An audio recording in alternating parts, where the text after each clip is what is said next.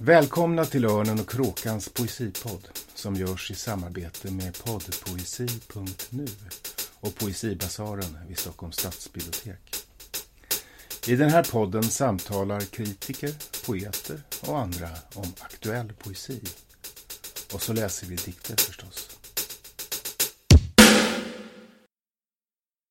Välkomna till Örnen och Kråkans poesipodd. Jag heter Magnus William Olsson. Idag, som är den 25 oktober, spelar vi som vanligt in i, eller åtminstone under, Poesibasarens egid. Men inte i Asplundhuset på Sveavägen utan i Tranströmerbiblioteket vid Medborgarplatsen i Stockholm. Och ämnet för denna podd är den ryske poeten Lev Rubenstein och kanske även en epok. För den nyutkomna bok vi ska tala utifrån som heter Vidare och vidare samlar texter tillkomna från tidigt 70-tal till 2008. Och just årtalet 2008 utgör i min historieskrivning, eller kanske jag rent av vågar säga historiefilosofi, en vändpunkt eftersom iPhone just det året började erövra världen och därmed öppnar för det jag brukar tänka på som ett nytt globalt varamodus, ett nytt sätt att vara människa i världen.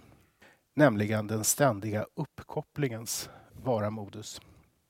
Den alldagliga internetmänniskans tillblivelse kanske man skulle kunna säga. 2008 är också året för Facebooks breda genomslag, liksom för Twitters. I det amerikanska presidentvalet 2008, då ju Barack Obama vann, fick de sociala medierna för första gången en möjligen avgörande politisk betydelse. De sociala mediernas era kan alltså sägas ta vid just där denna Rubenstein-antologi slutar vilket vi kanske får anledning att återkomma till för han har ju också ett, ett liv på sociala medier.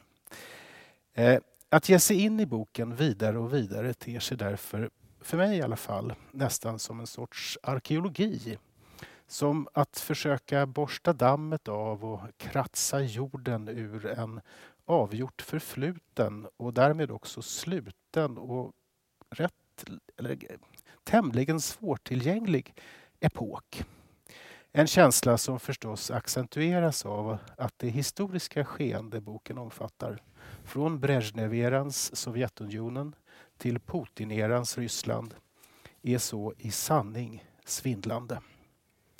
Med mig för att tala om denna fascinerande bok har jag dess redaktör, poeten, översättaren, konstnären, teatermannen, musikern etc. Dmitrij Plax som Örnen och Kråkans publik känner från förut. Och översättaren, litteraturvetaren, slavisten, essayisten etc. Lars Kleberg som för 20 år sedan introducerade Rubinstein på svenska och som är en av översättarna också i denna bok vid sidan av Johan Öberg och Kajsa Öberg Lindsten. Välkomna Dimitri och Lars. Låt mig börja med att fråga om ni under arbetet med den här boken delat min känsla av att den spänner över en påtaget förfluten och i någon mening underligt svåråtkomlig epok. Eh, fastän ni, liksom jag, eh, och ni också i, i, i, i forna Sovjetunionen och, eh, har själva har genomlevt den. Hur känner ni inför den, den, den tidsrymd som den här boken omfattar? Är det jag som... Dimitri? Nej, jag delar inte din äh, mening. Nej, där jag, jag tycker inte att den epoken äh, är avslutad. Äh, jag tycker att Lev Rubinstein var och är en föregångare på väldigt många sätt. Hans performativa och eh, um, interaktiva sätt att både skriva och framföra sin poesi är ju väldigt modern. mm. fortfarande väldigt modern. Mm. Trots att den är analog och inte digital. Mm. Eh, och det är just därför vi har diskuterat det under arbetets gång faktiskt eh, med Lars och Johan. Eh, att han är en av de få från sin generation som har väldigt naturligt och väldigt väl funnit sig i den moderna digitaliserade uppkopplade tiden som du pratar om. Mm. Och det tror jag är just därför. Mm. Uh, för att uh, han är en stor föregångare och han, uh, och han på något sätt är ett bevis på att den epoken inte är slut. Nej. För mig. Mm. Mm. Vad säger du Lars? Ja, nej, jag Rubinsteins texter lever. Å ena sidan kan man också säga ja, Sovjetsystemet lever ju på ett alltför påtagligt sätt vidare i vissa delar av vårt närområde, Belarus. Man behöver titta i vad som pågår där eller för den delen i, i Ryssland idag så ekar det av gamla, gamla hemska klichéer som, som han refererar till. Men, men sen, visst, det här är texter skrivna för 40 år sedan.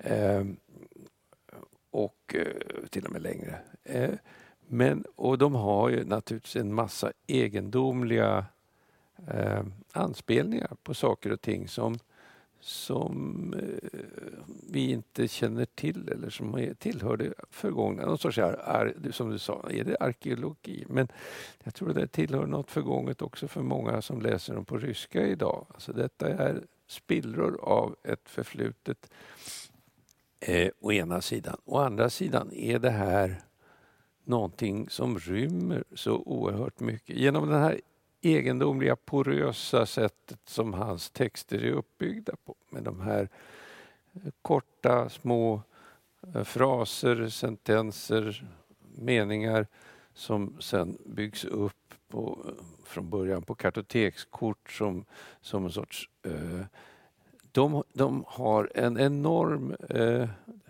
de är porösa. De släpper igenom alla möjliga nya associationer och det ligger helt i hans egen, e, egen idé. Alltså detta är inga tidsdokument. Det här är ett sätt att, ett sätt att se på världen, den fragmentariska världen som hela tiden rör sig och hela tiden liksom anspelar på sånt som vi har varit med om.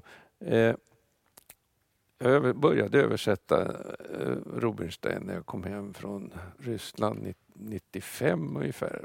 Jag tyckte jag måste göra någonting roligt och jag började med de här texterna. Och då läste jag själv några av de här på eh, hemma hos vänner och bekanta och, och sen så gjorde jag en sån där eh, skickade jag de där texterna till en god vän i Göteborg som skulle fylla år och så ringde hon som hade läst upp det där och sa Nej, men det här det handlar ju om oss.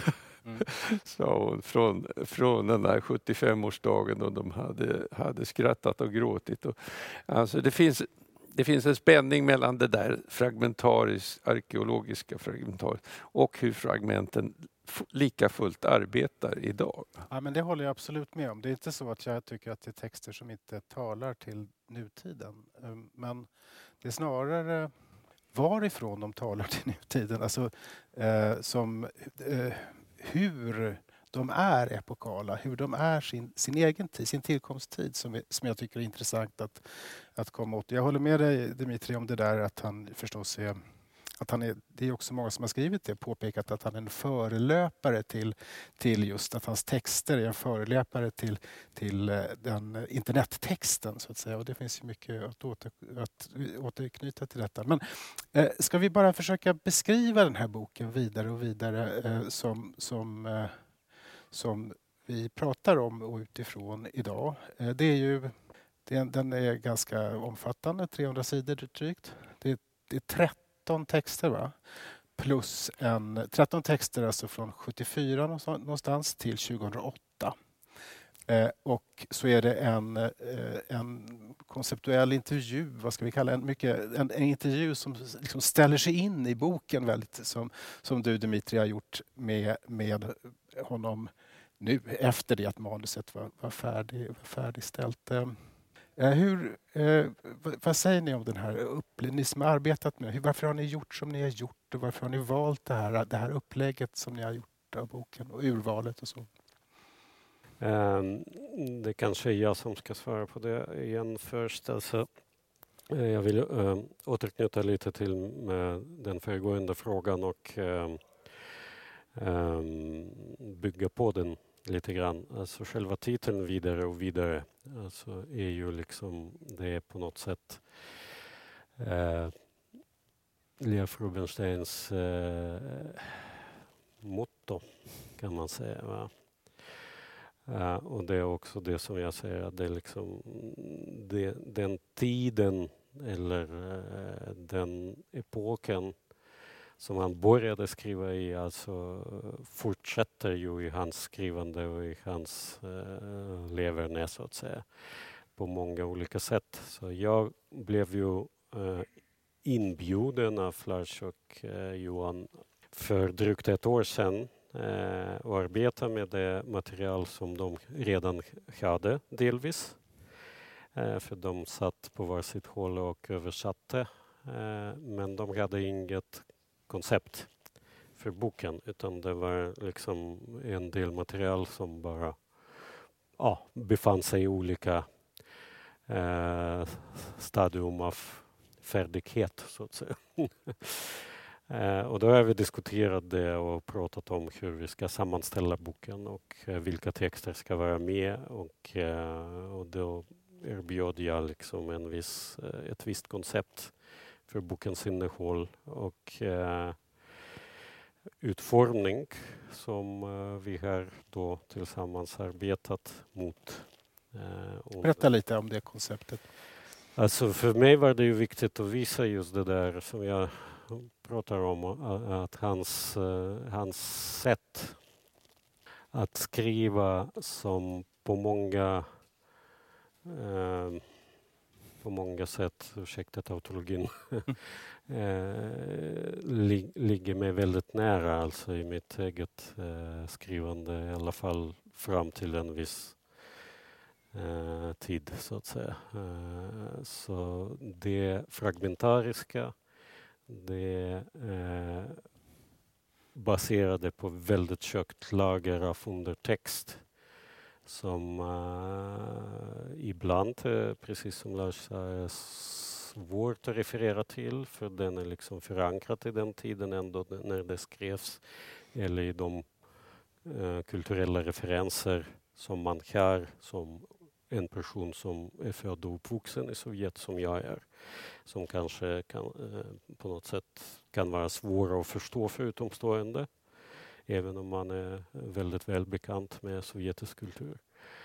Men också det där eh, sättet att sila igenom sitt eh, medvetande en massa information. Eh, det där porösa sättet att skriva som Lars pratar om är ju också det porösa sättet att ta till sig. Mm. Alltså det är liksom det är en maskin eh, som liksom i ena änden stoppar man en massa information och i andra änden kommer det ut dikter. Säga. Och det är det sättet som är, ligger mig väldigt nära hjärtat så att säga och som mm. jag försökte då eh, framförallt eh, bygga den volymen efter att visa hur det fungerar och hur det förändras mm. och hur det går vidare och vidare hela tiden. Mm. Alltså, det, är också, det är också det som, vi är, eh, som jag försökt mm. prata om med, med Leif, men, men det är svårt att prata med Leif. I den här intervjun? Ja, precis. ja. För han är hela tiden undvikande. Just. Ja. Han, han undviker definitioner. Det är också mm. väldigt... Eh, det, det, är hans sätt också. Ja. Eh, men jag ska säga att de här texterna är kronologiskt ordnade ändå. Och vi kanske ska vi, det är säkert många som lyssnar på den här podden som som eh, inte känner till Lev Rubinstein. Ska vi försöka placera honom lite grann? Han, han, han trädde fram i början på 70-talet i det som ibland talas, man brukar, eller andra brukar tala om Moskva-konceptualismen i, i samband. Vad, vad, var det och vad, eh, vad, berätta. Det var, det var en, en krets av eh, konstnärer, eh, författare, eh, filosofer, kanske någon matematiker ehm, som inte var dissidenter i den mening vi känner, alltså som utmanade makten, som demonstrerades eller som skrev flygblad eller som gav ut underjordiska tidskrifter med politiska anklagelser eller utan det här var en, en grupp som vände ryggen till Sovjetsystemet på ett fullständigt radikalt sätt. De bekämpa dem, man säger att naturligtvis bekämpade systemet genom att vända det ryggen, genom att fullständigt ta avstånd i frågan om ideologi.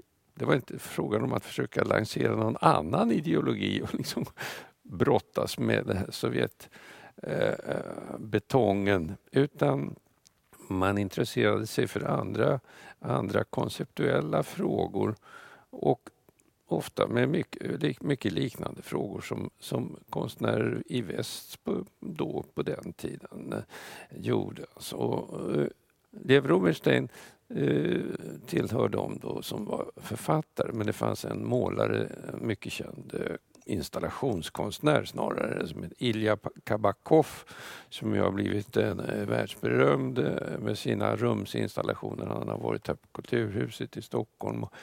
Och det är väl det närmaste analogin till eh, Rubinsteins sätt att skriva, eller hans texter helt enkelt. Som man kan tänka men man ska säga att det, de, de vände systemet ryggen men de verkade ändå underjordiskt i den meningen att de blev inte publicerade. Ja, de verkade privat.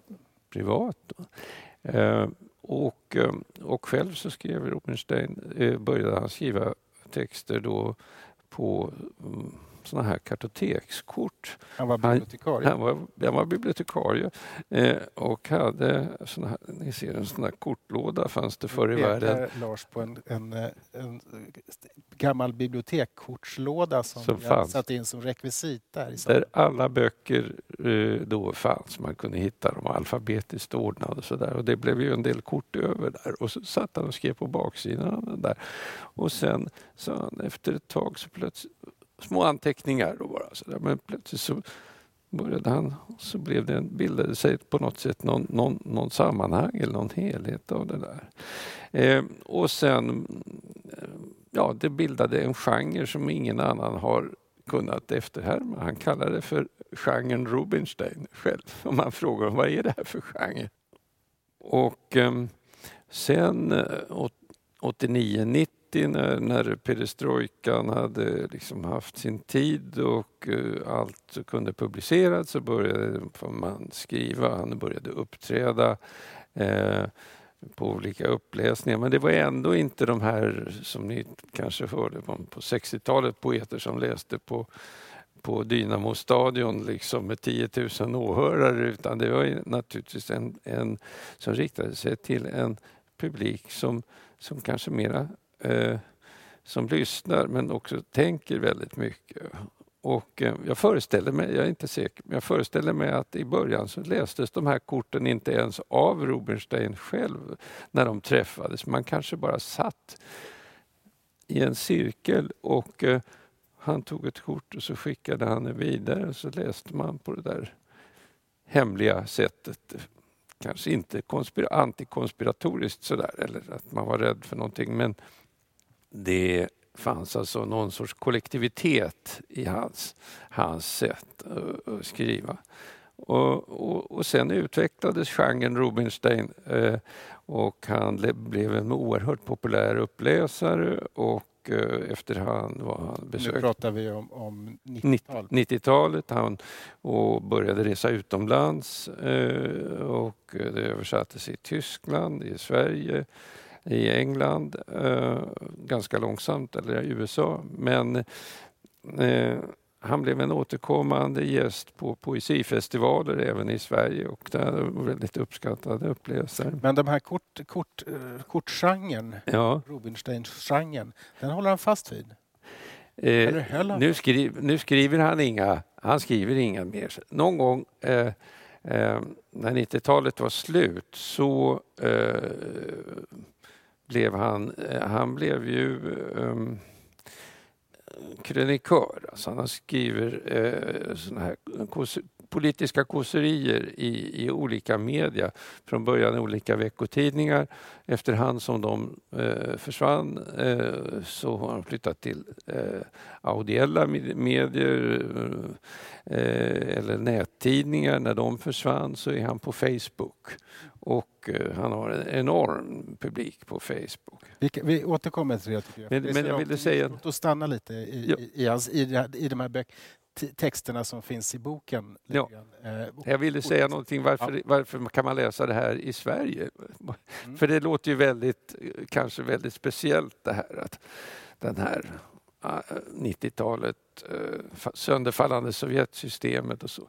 Men det hela hans projekt har ju en annan sida som är Ja, som är eh, kort sagt den konstnärliga sidan. Alltså.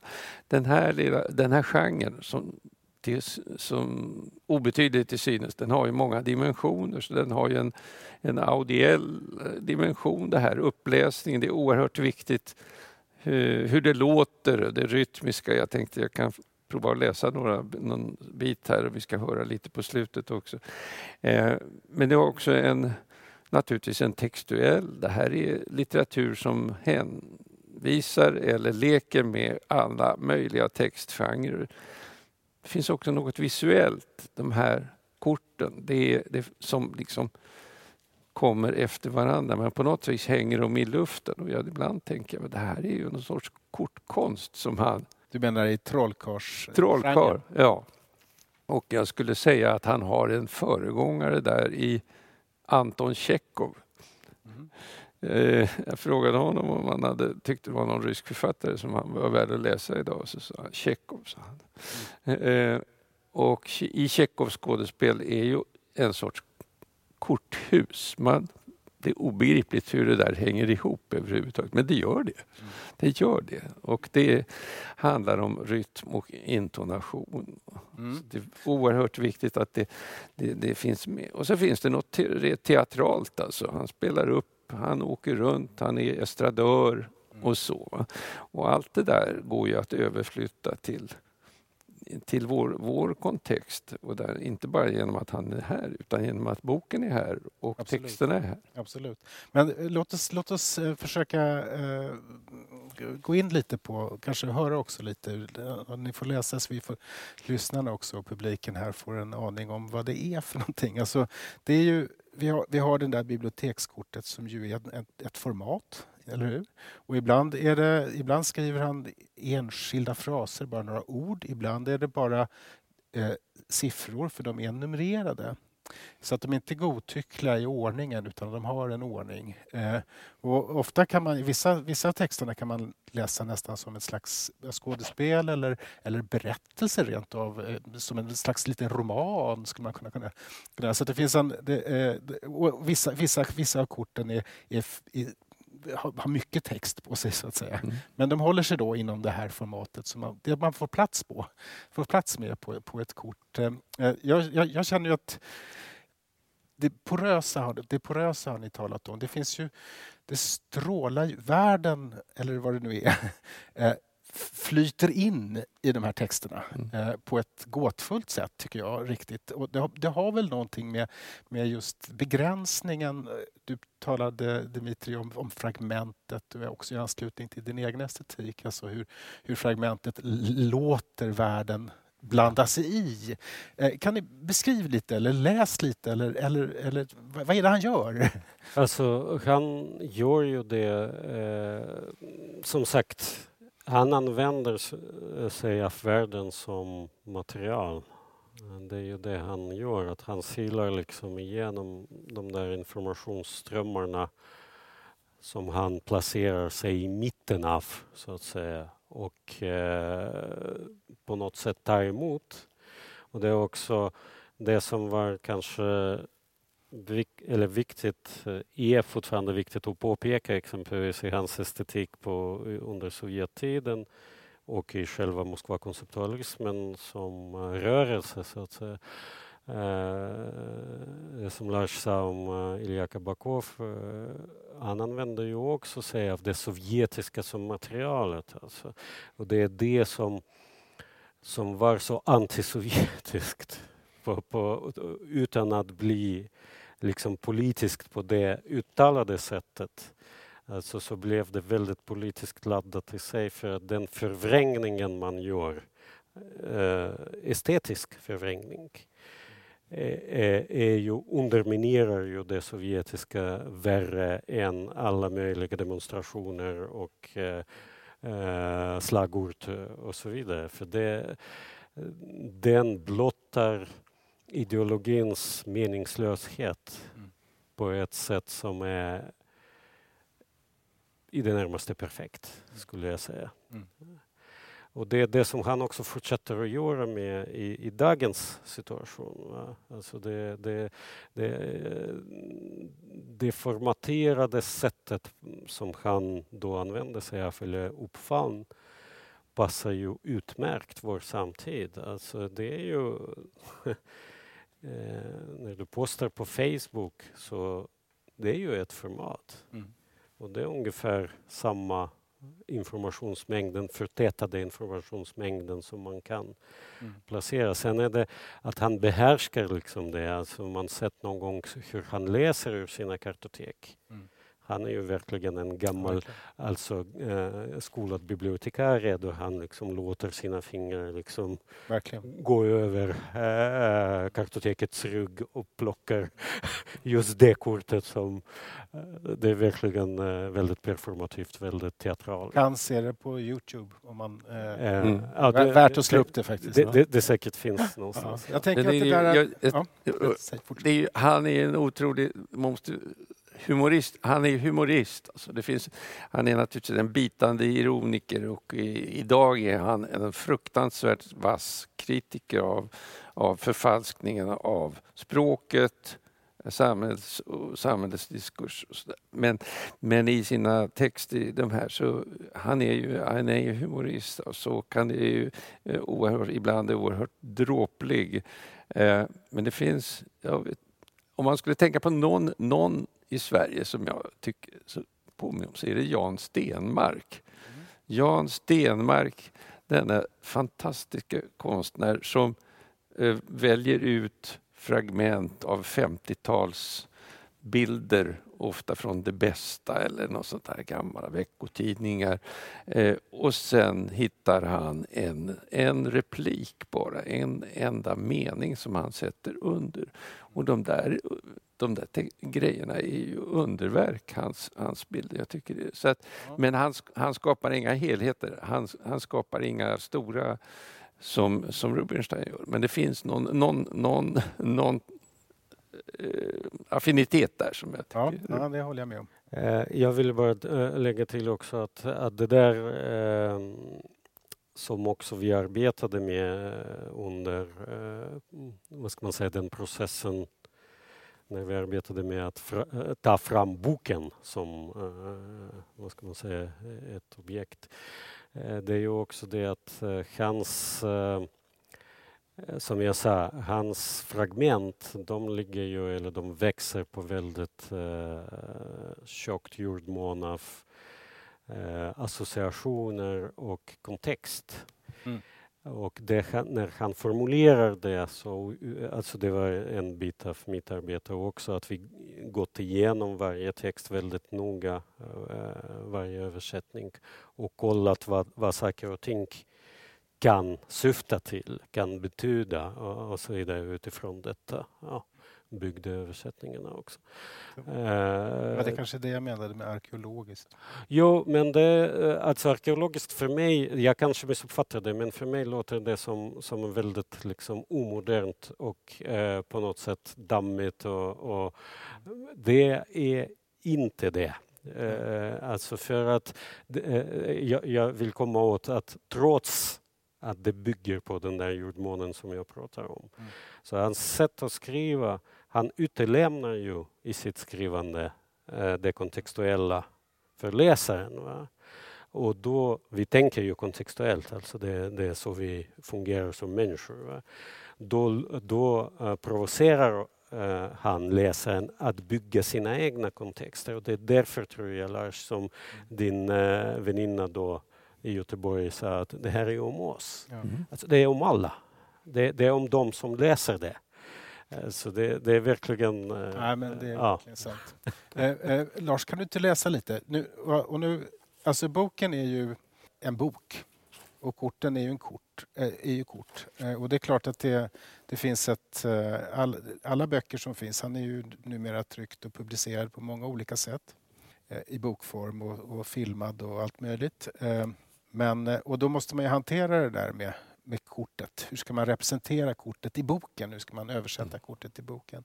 Och det, eh, ni har väl gjort som många andra har gjort, att ni helt enkelt har, har eh, satt flera kort på varje sida. Mm. kan man väl säga. Men du, du, du sitter ju där med en kortlek i handen, Lars. Kan du inte... Jag visar ja, den här nu. Kan du inte eh, läsa lite ur den? Vi har... Eh, jag har gjort eh, några kortlekar och eh, någon gång har har levt, när vi har varit, han har varit i Sverige så har vi till och med kunnat läsa i, i eh, dialog. Men, och vi har gjort det till och med i radio. och det finns en gammal en text som heter Tiden går och eh, jag måste medge att tiden har gått här för att de här korten är inte riktigt uppdaterade. Men jag läser då den här versionen som inte är riktigt samma som står i boken. Så vill ni nyfikna får ni titta i boken. Så här står det på de här korten. som jag, och då, då läser jag ungefär som han brukar göra. Tiden går. Får man? Ja. Finns det någonting där? Det finns nummer. Valfritt. Namn behövs inte. Problemet kvarstår. Tiden går. Vad är det som går? Tiden. Tiden går. Havet är oroligt. Månen lyser. Kattungen gnäller. Östern blir röd. Tiden går. Och så vidare. Ja, det är fantastiskt. Men det, det, är ju, eh, eh, det är ju helt enkelt de materiella villkoren för denna läsning ger ju en annan eh, rytm, en annan, ett, ett, ett annat, annat läte, ett annat låtande, en annan röst än, mm. än, äh, än bokläsningen förstås, med nödvändighet.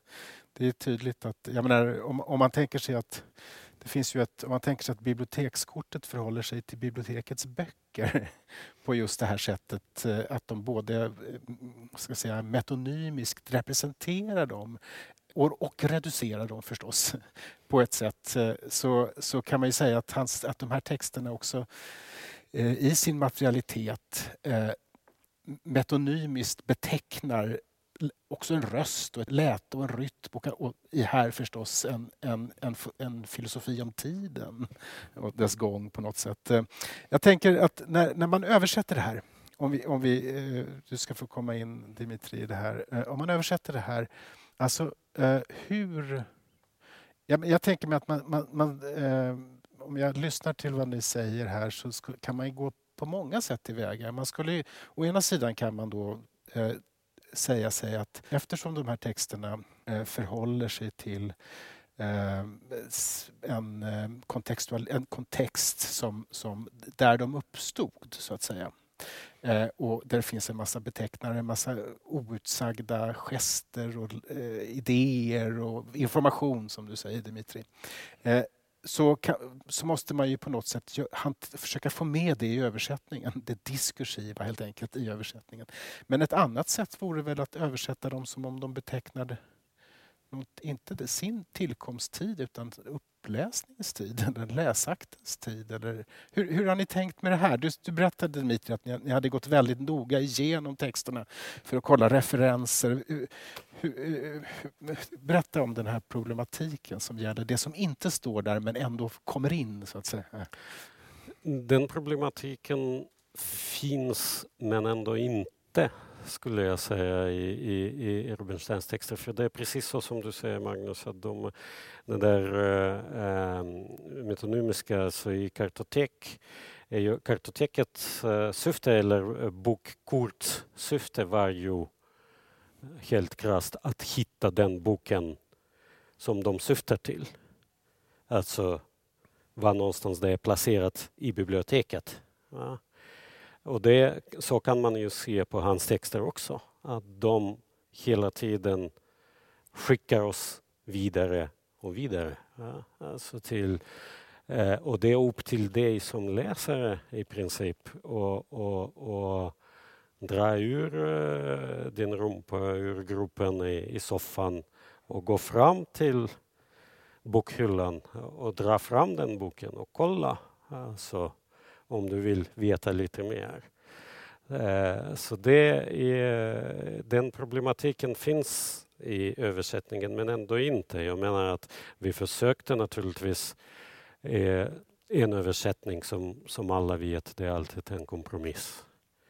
Eh, man väljer av de betydelser som kan finnas, de betydelser, eller den betydelsen ibland, eh, som är mer gångbar på det språket man översätter till eller i den kontext eh, och i den kontext som boken publiceras. Men, men i detta fall är ju också att det kontextuella är så pass brett och djupt att det är nästan så att, att man kan hitta egna referenser eh, även om man inte förstår de referenserna som finns i texten. Men för oss var det väl viktigt ändå att bibehålla eh, de referenser som vi kunde känna igen när man översätter eh, de här texterna så det finns ett eh, problem som man stöter på. Det är ju inte bara vad syftar det här på? Utan vad syftar det här inte på? Och där har jag då med hjälp av Dmitri och eh, andra som ryska läsare varit väldigt noga och försöka försöka liksom få bort det. Alltså, alltså, felaktiga associationer får, får, man inte få. Men däremot så ska de, det är det som, vad kan det här betyda? Det ska finnas med. Det ska finnas en rymd kring varje, varje replik eller varje fras. Eh, mångtydighet. Och sen måste det finnas det som håller det här på benen eller som håller det här korthuset stående och det är, det är rytmen. Mm. Det, är otroligt viktigt med, med rytmen. Alltså, om det inte finns rytm så, så, så faller korthuset kan ihop. Inte, kan inte ge oss ett exempel så vi höra både ryska... Ett, ta, ta, ett, ta, en, ta en, liten översättning någonstans. Eh, ja, jag vet inte om den är så bra rytmisk men vi försöker. Jo. Ja, nej, men... Det är ur vidare och vidare. Eh, och då läser Dima en strof och, du, och, och jag är ja, jag, jag, jag, läser på ryska. Då, på Men, ta bara ett, ett litet stycke så vi kan prata om det sen. Ja, ja okej. Okay. Vi börjar. Du får säga stopp. Ja. Здесь все начинается. Начало всему здесь. Однако пойдем дальше. Här börjar allting. Alltings början är här. Låt oss dock gå vidare. Здесь вас не спросят, кто вы и откуда, И так все понятно. Место, где вы избавлены от назойливых расспросов, именно здесь. Ну, пойдем дальше. Här ska ingen fråga vem ni är och varifrån ni kommer. Allting är ändå klart. Platsen där ni slipper besvärande utfrågningar är just här. Men låt oss gå vidare. Vänta lite nu då. Om vi, om vi, ser, om vi, om vi, om vi tittar på de här, eh, de, de, här exemplen. Eh, var, var ligger svårigheten här? Vi, vi, eh, det, det, sådär, som icke ryskkunnig kan man säga att det, det funkade väldigt bra rytmiskt. Det lät väldigt bra på, rytmiskt på svenska. Men var, var, var låg, har, har svårigheterna legat i, i, i, i de här stroferna? Kan man säga det? Men dels finns det ju förstås detta här som ju är, är, är svåröversatt alltid eftersom det, det refererar just både till ett fiktivt här och ett faktiskt här som är tillkomstens, eh, skri, mm. skrivögonblickets här och förstås till, till upp, läsaktens här så att säga. Eh, det är det han ju leker med också, att här är ju både tid och rum. Just. Alltså, och eh, det som är svårare här ju är ju rent vad ska man säga, språkmässigt att fonetiken och eh, morfologin i, i språken är olika. Att bibehålla den, den rytmen som du ändå tyckt nu att, eh, att vi har lyckats med eller eh, Lars har lyckats med. Eh, det är inte så enkelt eh, som det, som det låter när man läser upp. Det är verkligen så att det, det ibland får man till och med räkna stavelser bara för att liksom få det eh, liksom fonetiska eh, med också. Mm. Så det, det, det är en svår konst att balansera och just i Rubinsteins fall, där som Lars mycket riktigt påpekade, är så sammans... Alltså att hans poesi är ju så pass, vad ska man säga, inte bara poesi. Nej. Utan det här visuella aspekt, det här ljudmässiga aspekt, det här performativa aspekt och så vidare. Och att försöka liksom bibehålla det i texten, mm. det, det, det är ett stort arbete. Mm. Vi ska få avsluta hela den här podden med att läsa mer ur det här, det här verket, eller det här stycket. Ehm, men jag vill återkomma till det här med, med, med översättningen. Är Rubinstein en, en väldigt eh, elaborerad... Är, det, är, är, är hans texter eh, väldigt ska vi säga, välkonstruerade? Skulle ni säga det? Är han liksom en sån poet som liksom arbetar väldigt länge med, sin, med sitt... Finns den, eller är det intuitivt? Ja, absolut. Det, där, det här är, de här texterna är oerhört genomarbetade innan de framfördes första gången. Men sen arbetar han inte mer. De, de, de har den form och eh, korten har den ordning som de är som han har bestämt sig för. Men innan dess är det naturligtvis oerhört eh, väl sorterande, filande, lyssnande. Det finns en dikt som består av otroligt det triviala saker som han uppenbarligen har lyssnat till på, på bussen eller på gatan på spårvagn. Men han har uppfattat ja men det här är Pushkins fyrfotade jamber här med manligt slut. Allting sådär. Första vagnen sitter, ja, första vagnen sitter du, nej det blir inte bra. Mm. Första vagnen klockan fem och sådana där saker. Mm. Alltså, eh, det blev det bara tre, men strunt i det. Men, eh, och ni kan se det själva. Där. Men det är ju en alltså, svår sak att översätta. Hur ska man få Ja, jo. Fyr, fyrfotade jam med, med manligt slut. Ja, men det behöver inte rimma alltid, men det, ibland ska det rimma också. Ja. Och då får man jobba. Men det är Pushkin ska med där då? Då får man jobba på. Ja. Då får man jobba på. Det går. Eh, och det går. Men eh, ibland så är det så omärkligt så att det först vid, det är först vid en senare omarbetning som man upptäcker att plötsligt här, ja men här, är, här plötsligt går här är en rytm som går genom den här texten. Mm. Och så får man gå tillbaka och kolla när börjar det och sen är det prosaiskt och sen övergår det där omärkligt. Så att det, när jag skulle säga att de texterna är, de verkar, de verkar slumpartade, de verkar tillfälliga, den verkar, men tillfälligheten är oerhört liksom, infokuserad. Mm. Det finns en, en, en Rubinsteinsk sensibilitet som kan man... För, jag tycker för att man tänker ofta...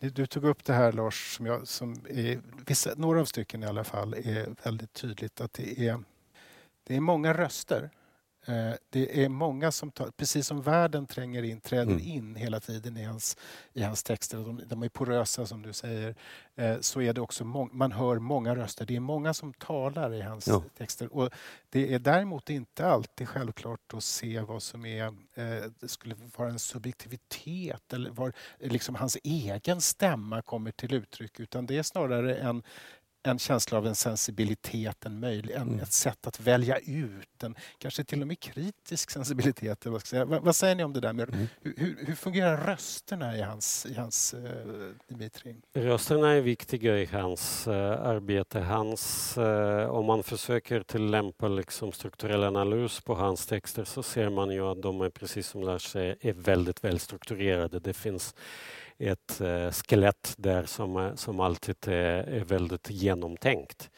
Eh, däremot eh, gör han ofta så att han bygger upp någonting som han själv raserar sen. Alltså, men det är också medvetet. Mm. Alltså, och så bygger han upp det på nytt och så raserar han det igen och så vidare. Och där tror jag i just det där mothugget kontrapunkt punkten som han är väldigt noga med. Jag tror att det är hans egen röst som framträder där väldigt, väldigt mycket. Det är därför hans sätt att, att vara, alltså det är därför som det är så svårt att intervjua honom. Han, han är mot vals liksom, på, på, många, väldigt, väldigt många olika sätt. Även språkligt. Alltså, så, att, så att jag tror att det är där man hör hans röst. Alltså i de där kontrapunkterna, alltså väldigt tydligt. Eh, sedan är det ju också så att den, som jag också var inne på lite grann tidigare, att, att han, när jag sa att han var föregångare på väldigt många olika sätt. Alltså att eh, i hans performativa biten, alltså den, den interaktiviteten som han var ute eh, efter väldigt tidigt. Eh, dels genom att ta in röster men dels också att låta, precis som Lars beskrev, det andra läsa hans texter. Alltså när, när det är liksom många i publiken som inte bara hör men låter. Då blir det ju en, en helt annan... Det blir ett helt annan typ av kör. Mm. Så. Mm. Så att, ja, nej, det är påtagligt. Det, det, det, det är, det är inte riktigt, det är inte, så, det är inte alltid så lätt att peka på hur, men man förnimmer det väldigt starkt hur de här, att, att, att de här rösterna uppträder i, i hans verk. Jag tror att det förnimmer man inte minst genom att han är skicklig på att byta intonation. Ja. Att ja. man fattar att det är olika personer som pratar trots att de säger tre ord. Precis, ja. precis. Ja, men så är det nog. Uh, um, Ja, eh, ska vi... Eh, ni, ni, var inne på det lite, du var inne på det lite, eller båda var väl inne på det lite i början av det här samtalet. Eh, vad som har hänt med, med vad, vad, han har gjort efter 2008, vad som har hänt. Det kom ju för, för några år sedan, var det väl 2015, som också förlaget Ersatt som har gett ut även den här vidare och vidare. Då kom ut en, en eh, Johan Öberg översatte då eh, en bok med ryska dagsedlar, hette den, som, som ju var just de här, vad ska vi kalla dem, kröniker eller mini-essäer från, från internet, någon internetforum. Eh, och det är ju, eh, det är ju eh, det är djupt, ironin är väldigt tydlig och också den här undvik, det undvikande eh, eh, de här texterna skildrar väldigt starkt eh, ett, ett fokus i, i skeendet i Ukraina förstås. Eh, men de är tydligt eh, politiska. Och han har också ett annat te viktigt tema är just att för nutidsryssar, unga nutidsryssar förklara Sovjettiden. Alltså, eh, alltså som, som eh, vad, vad, var det egentligen helt enkelt? Eh, det är ett annat tema. Men berätta lite, var, var, var, eh, ni, ni, har talat om att han är en väldigt viktig person. Numera på Facebook som du, som du sa Dimitri. Eh, han har bytt olika fora. Men vad, vad är hans position eh, i, den, i den samtida ryska litteraturen och offentligheten?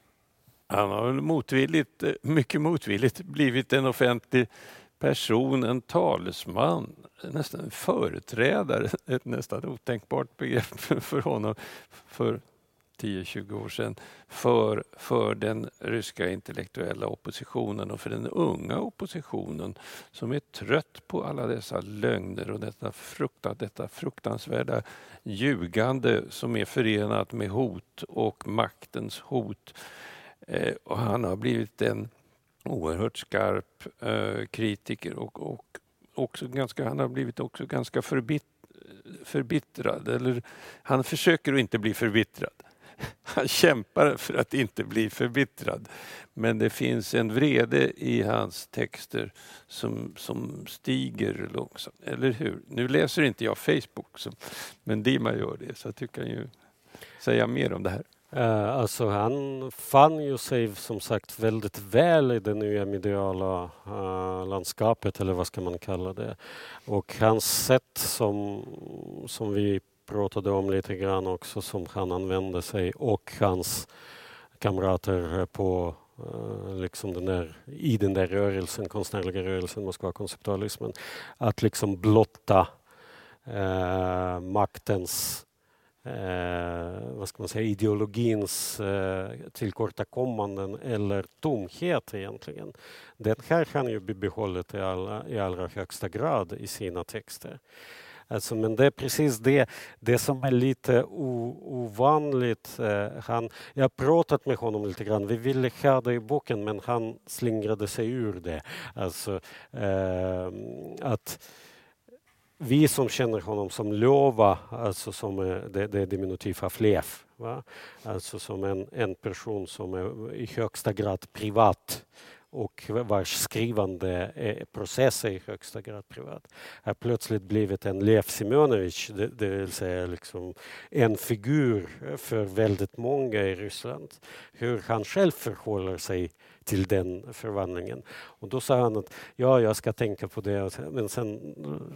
Alltså, eh, men eh, men, men jag, jag tycker personligen att han gör det väldigt väl också. Att han utan att förlora sig i, i det politiska, alltså så, så spetsar han till det lite grann i sina krönikor eller i sina dagssedlar som det heter, i sina poster på Facebook. Och eh, de är Alltså, man ser, även om man inte ser underskriften så ser man att det är Leif Rubinstein som har skrivit dem. Alltså det, det, det, det är ändå han. Men det är väl, jag tänker att eh, det ironiska, vad har det för roll i den där... Eh, jag menar, det är ju sannerligen inte lätt i den sociala medieoffentligheten att, att uh, odla en, en opposition Eh, därför att man så, dels är det ju så att, att till skillnad från när man, skrev, när man delade, att dela ut eh, bibliotekskort till vänner så, är ju, eh, så, så, reproducerar man ju en ideologi bara genom att verka på Facebook. Eh, eh, eh det, bara det är ju så att säga en, en, en, en fälla på något sätt som gör, och som också gör att att det där med att antal följare och hela det där systemet som kommer med är ju eh, Eh, kan ju vara förödande för väldigt många men eh, han klarade det där på något sätt. Ja, det är liksom det är kanske dags att dra in i leken herr Hegel med hans dialektik. Alltså det är ju en, ett dialektiskt samspel naturligtvis. Att, eh, det, det, det är både och hela tiden. Alltså det som Eh, det som Lars eh, sa, eh, eller kallade för förbittring, eh, eller att han kämpar mot att bli förbittrad. Jag tror att mm, den lilla, vad ska man säga, förändringen som har skett det är att från att vara humoristisk, humoristisk så har han blivit sarkastisk. Mm. Och det, eh, det för mig är ändå frukter från samma grund, så att säga.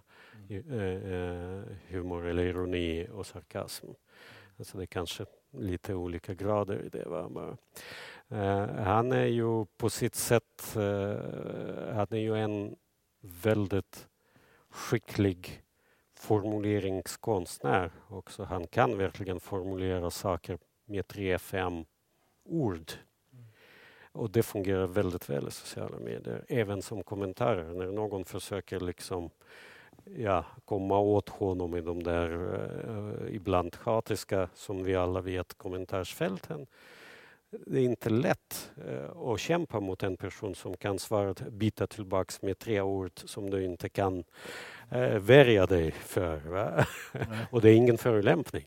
Utan så han verkligen känner sig eh, som fisk eh, i vattnet, alltså i, i, i social, på sociala medier. Mm.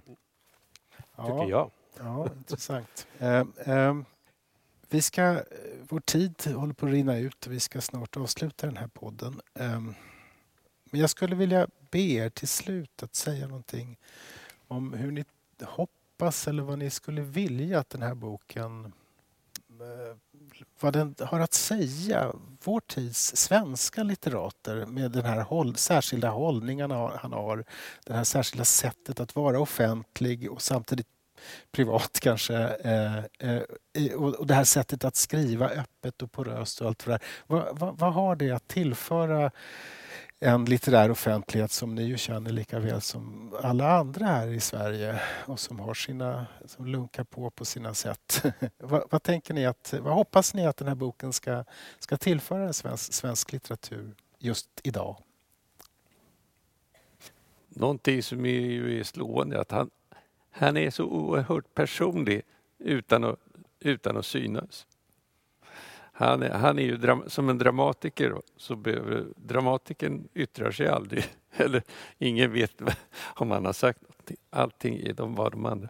Han, han är, det är oerhört privat en del av vad han säger men det har en räckvidd som det lämnar det där bakom sig och och det gör, en, det gör en nyfiken. Man blir nyfiken när man, när man läser hans texter. Vad är det här? Vad är det, det här handlar om?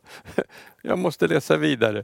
Eh, och han drar med läsaren i texten på, på ett sätt som jag tycker är, är så underbart och, och lockande. Alltså han, är, han, är, han är inbjudande på, på, på ett, ett väldigt eh, fint, roligt sätt. Och och samtidigt så känner, öppnar sig plötsligt avgrunder mitt i texterna. Så man känner sig aldrig riktigt säker. Och det tycker jag är en, det är en underbar känsla när man läser en bok. Uh, ja, visst så är det. Uh, jag vill bara tillföra kanske att boken som sådan, alltså man kan prata om boken som en egen röst, så att säga, ett eget uttalande då för mig, det som den kan tillföra uh, den litterära processen i Sverige idag är ju att det är ett bevis uh, att man kan bibehålla sin konstnärliga integritet uh, och att man kan vara samtida och vara, ha sin väldigt tydliga röst utan att stämma in i kören. Mm. Eh, utan att göra avkall på det konstnärliga kan man vara ändå en viktig röst i debatten. Eh, och trots att man, eh, som sagt, jag upplever att det kanske inte det kanske är kontroversiellt det jag kommer att säga nu, men jag upplever lite grann att vi idag inom, inom litteratur eller inom kultur överhuvudtaget, inom konst i Sverige, vi har slutat eh, både utbilda och producera dissidenter. Utan vi alla eh, väldigt gärna tillhör en grupp Sen kan den gruppen vara hur liten som helst men helst eh, väldigt högljudd. Ja. Alltså, och eh, Rubinstein är ju ett bevis på att man kan eh, göra väldigt mycket utan att tillhöra en grupp. Mm. Och utan, precis som Lars säger, vara särskilt högljudd. Mm. Eller? Mm. Det tror jag är viktigt. Mm. Dissidenten som som gestalt i den svenska offentligheten. Det, det känns som ett, ett uppdrag. eh, kära vänner, tack ska ni ha. Tack Dimitri och tack Lars. Eh, tusen tack publiken och tack Tranströmer biblioteket och Poesibasaren vill jag gärna framhålla som, som eh, hyser oss. Eh, vi ska sätta punkt eh, för den här podden med att få lyssna när Lars och Dimitri läser ur eh, den här dikten Vidare och vidare på ömsom ryska och svenska. Jag tycker vi, vi fortsätter där vi slutade för en liten stund sedan. Ja, på fy, fyra. Nej, det är tre som vi ska. Okay. Vi läste bara två första. Jag vill bara innan vi fortsätter säga att jag vill också tacka jättemycket å min sida översättarna, Lars Kleber, eh, Kajsa Öberg Lindsten, eh, Johan Öberg, förlaget Ersats som åtagit sig att ge ut den boken. Och textredaktören Dmitri Plax vill jag tacka. Tack. Oerhört viktigt arbete. Och tack, och tack Magnus att vi fick vara med här och presentera boken. Det är viktigt för oss. Mm. Tack. Здесь дышится легко и свободно. Лучший отдых — это здесь. Но надо идти дальше. Här andas man lätt och fritt. Bästa vilan, det är här. Men vi måste gå vidare. Здесь, куда взгляд не упадет, все прелесть, что ухо не уловит, все сладкий напев. Кто что не скажет, все истина. Ну, пойдем дальше. Här är allting, vart blicken än faller förtjusande. Vad örat än hör, ljuv sång, vad någon än säger, rena sanningen. Men låt oss gå vidare. Здесь уже все совсем по-другому. Не важно как, важно, что по-другому. Här är allting helt annorlunda. Oviktigt hur. Viktigt är att det är annorlunda. Здесь все равно как. Лишь бы запомнилось навсегда. Här spelar det ingen roll. Bara man minns det för all framtid. Здесь охватывает острейший приступ ностальгии. Чем это достигается, непонятно. Här drabbas man av ett våldsamt anfall av nostalgi. Hur detta åstadkoms är obegripligt. Здесь долго оставаться не следует. Потом, вероятно, станет ясно, почему. Här bör man inte stanna för länge. Sen blir det nog tydligt varför. Здесь у каждого свое дно и свой потолок. Границы падений и воспарений у каждого свои. И это не только здесь. Här har alla sin botten och sitt tak. Gränserna för fallande och uppåtstigande är olika hos alla. Och det gäller inte bara här. Здесь э, все что-то напоминает, на что-то указывает, к чему-то отсылает. Только начнешь понимать, что к чему, как пора уходить. Här påminner allting om någonting, hänvisar till någonting, syftar på någonting. Så fort man börjar fatta något är det dags att gå. Здесь необходимо справиться с искушением спросить, что же дальше-то будет. А дальше будет то, что и должно быть. Här måste man absolut motstå frestelsen att fråga vad som kommer sen. Sen kommer det som också måste komma. Здесь написано «Прохожий, остановись, подумай». Här står det skrivet Vandringsman, stanna upp, tänk efter. Следующая надпись гласит «Прохожий, остановись, попробуй придумать что-нибудь другое, лучше этого». Nästa inskrift lyder Vandringsman, stanna upp. Försök komma på något annat bättre än det här. Здесь мы читаем «Прохожий, рано или поздно, сам понимаешь, так что сам понимаешь». Här läser vi Vandringsman. Förr eller senare, ja men det vet du ju. Alltså, ja men det vet. Здесь написано «Прохожий, учти, ты можешь так ничего и не понять». Här står det skrivet Vandringsman, betänk, det kan hända att du inte fattar någonting alls. Здесь «Прохожий, мы даже не знали друг друга, о чем нам говорить». Här, vandringsman, vi, har, vi var inte ens bekanta. Vad finns det att säga? И здесь «Прохожий, не останавливайся, иди дальше». Och här, vandringsman, stanna inte, gå vidare. Пойдем дальше. Låt oss gå vidare.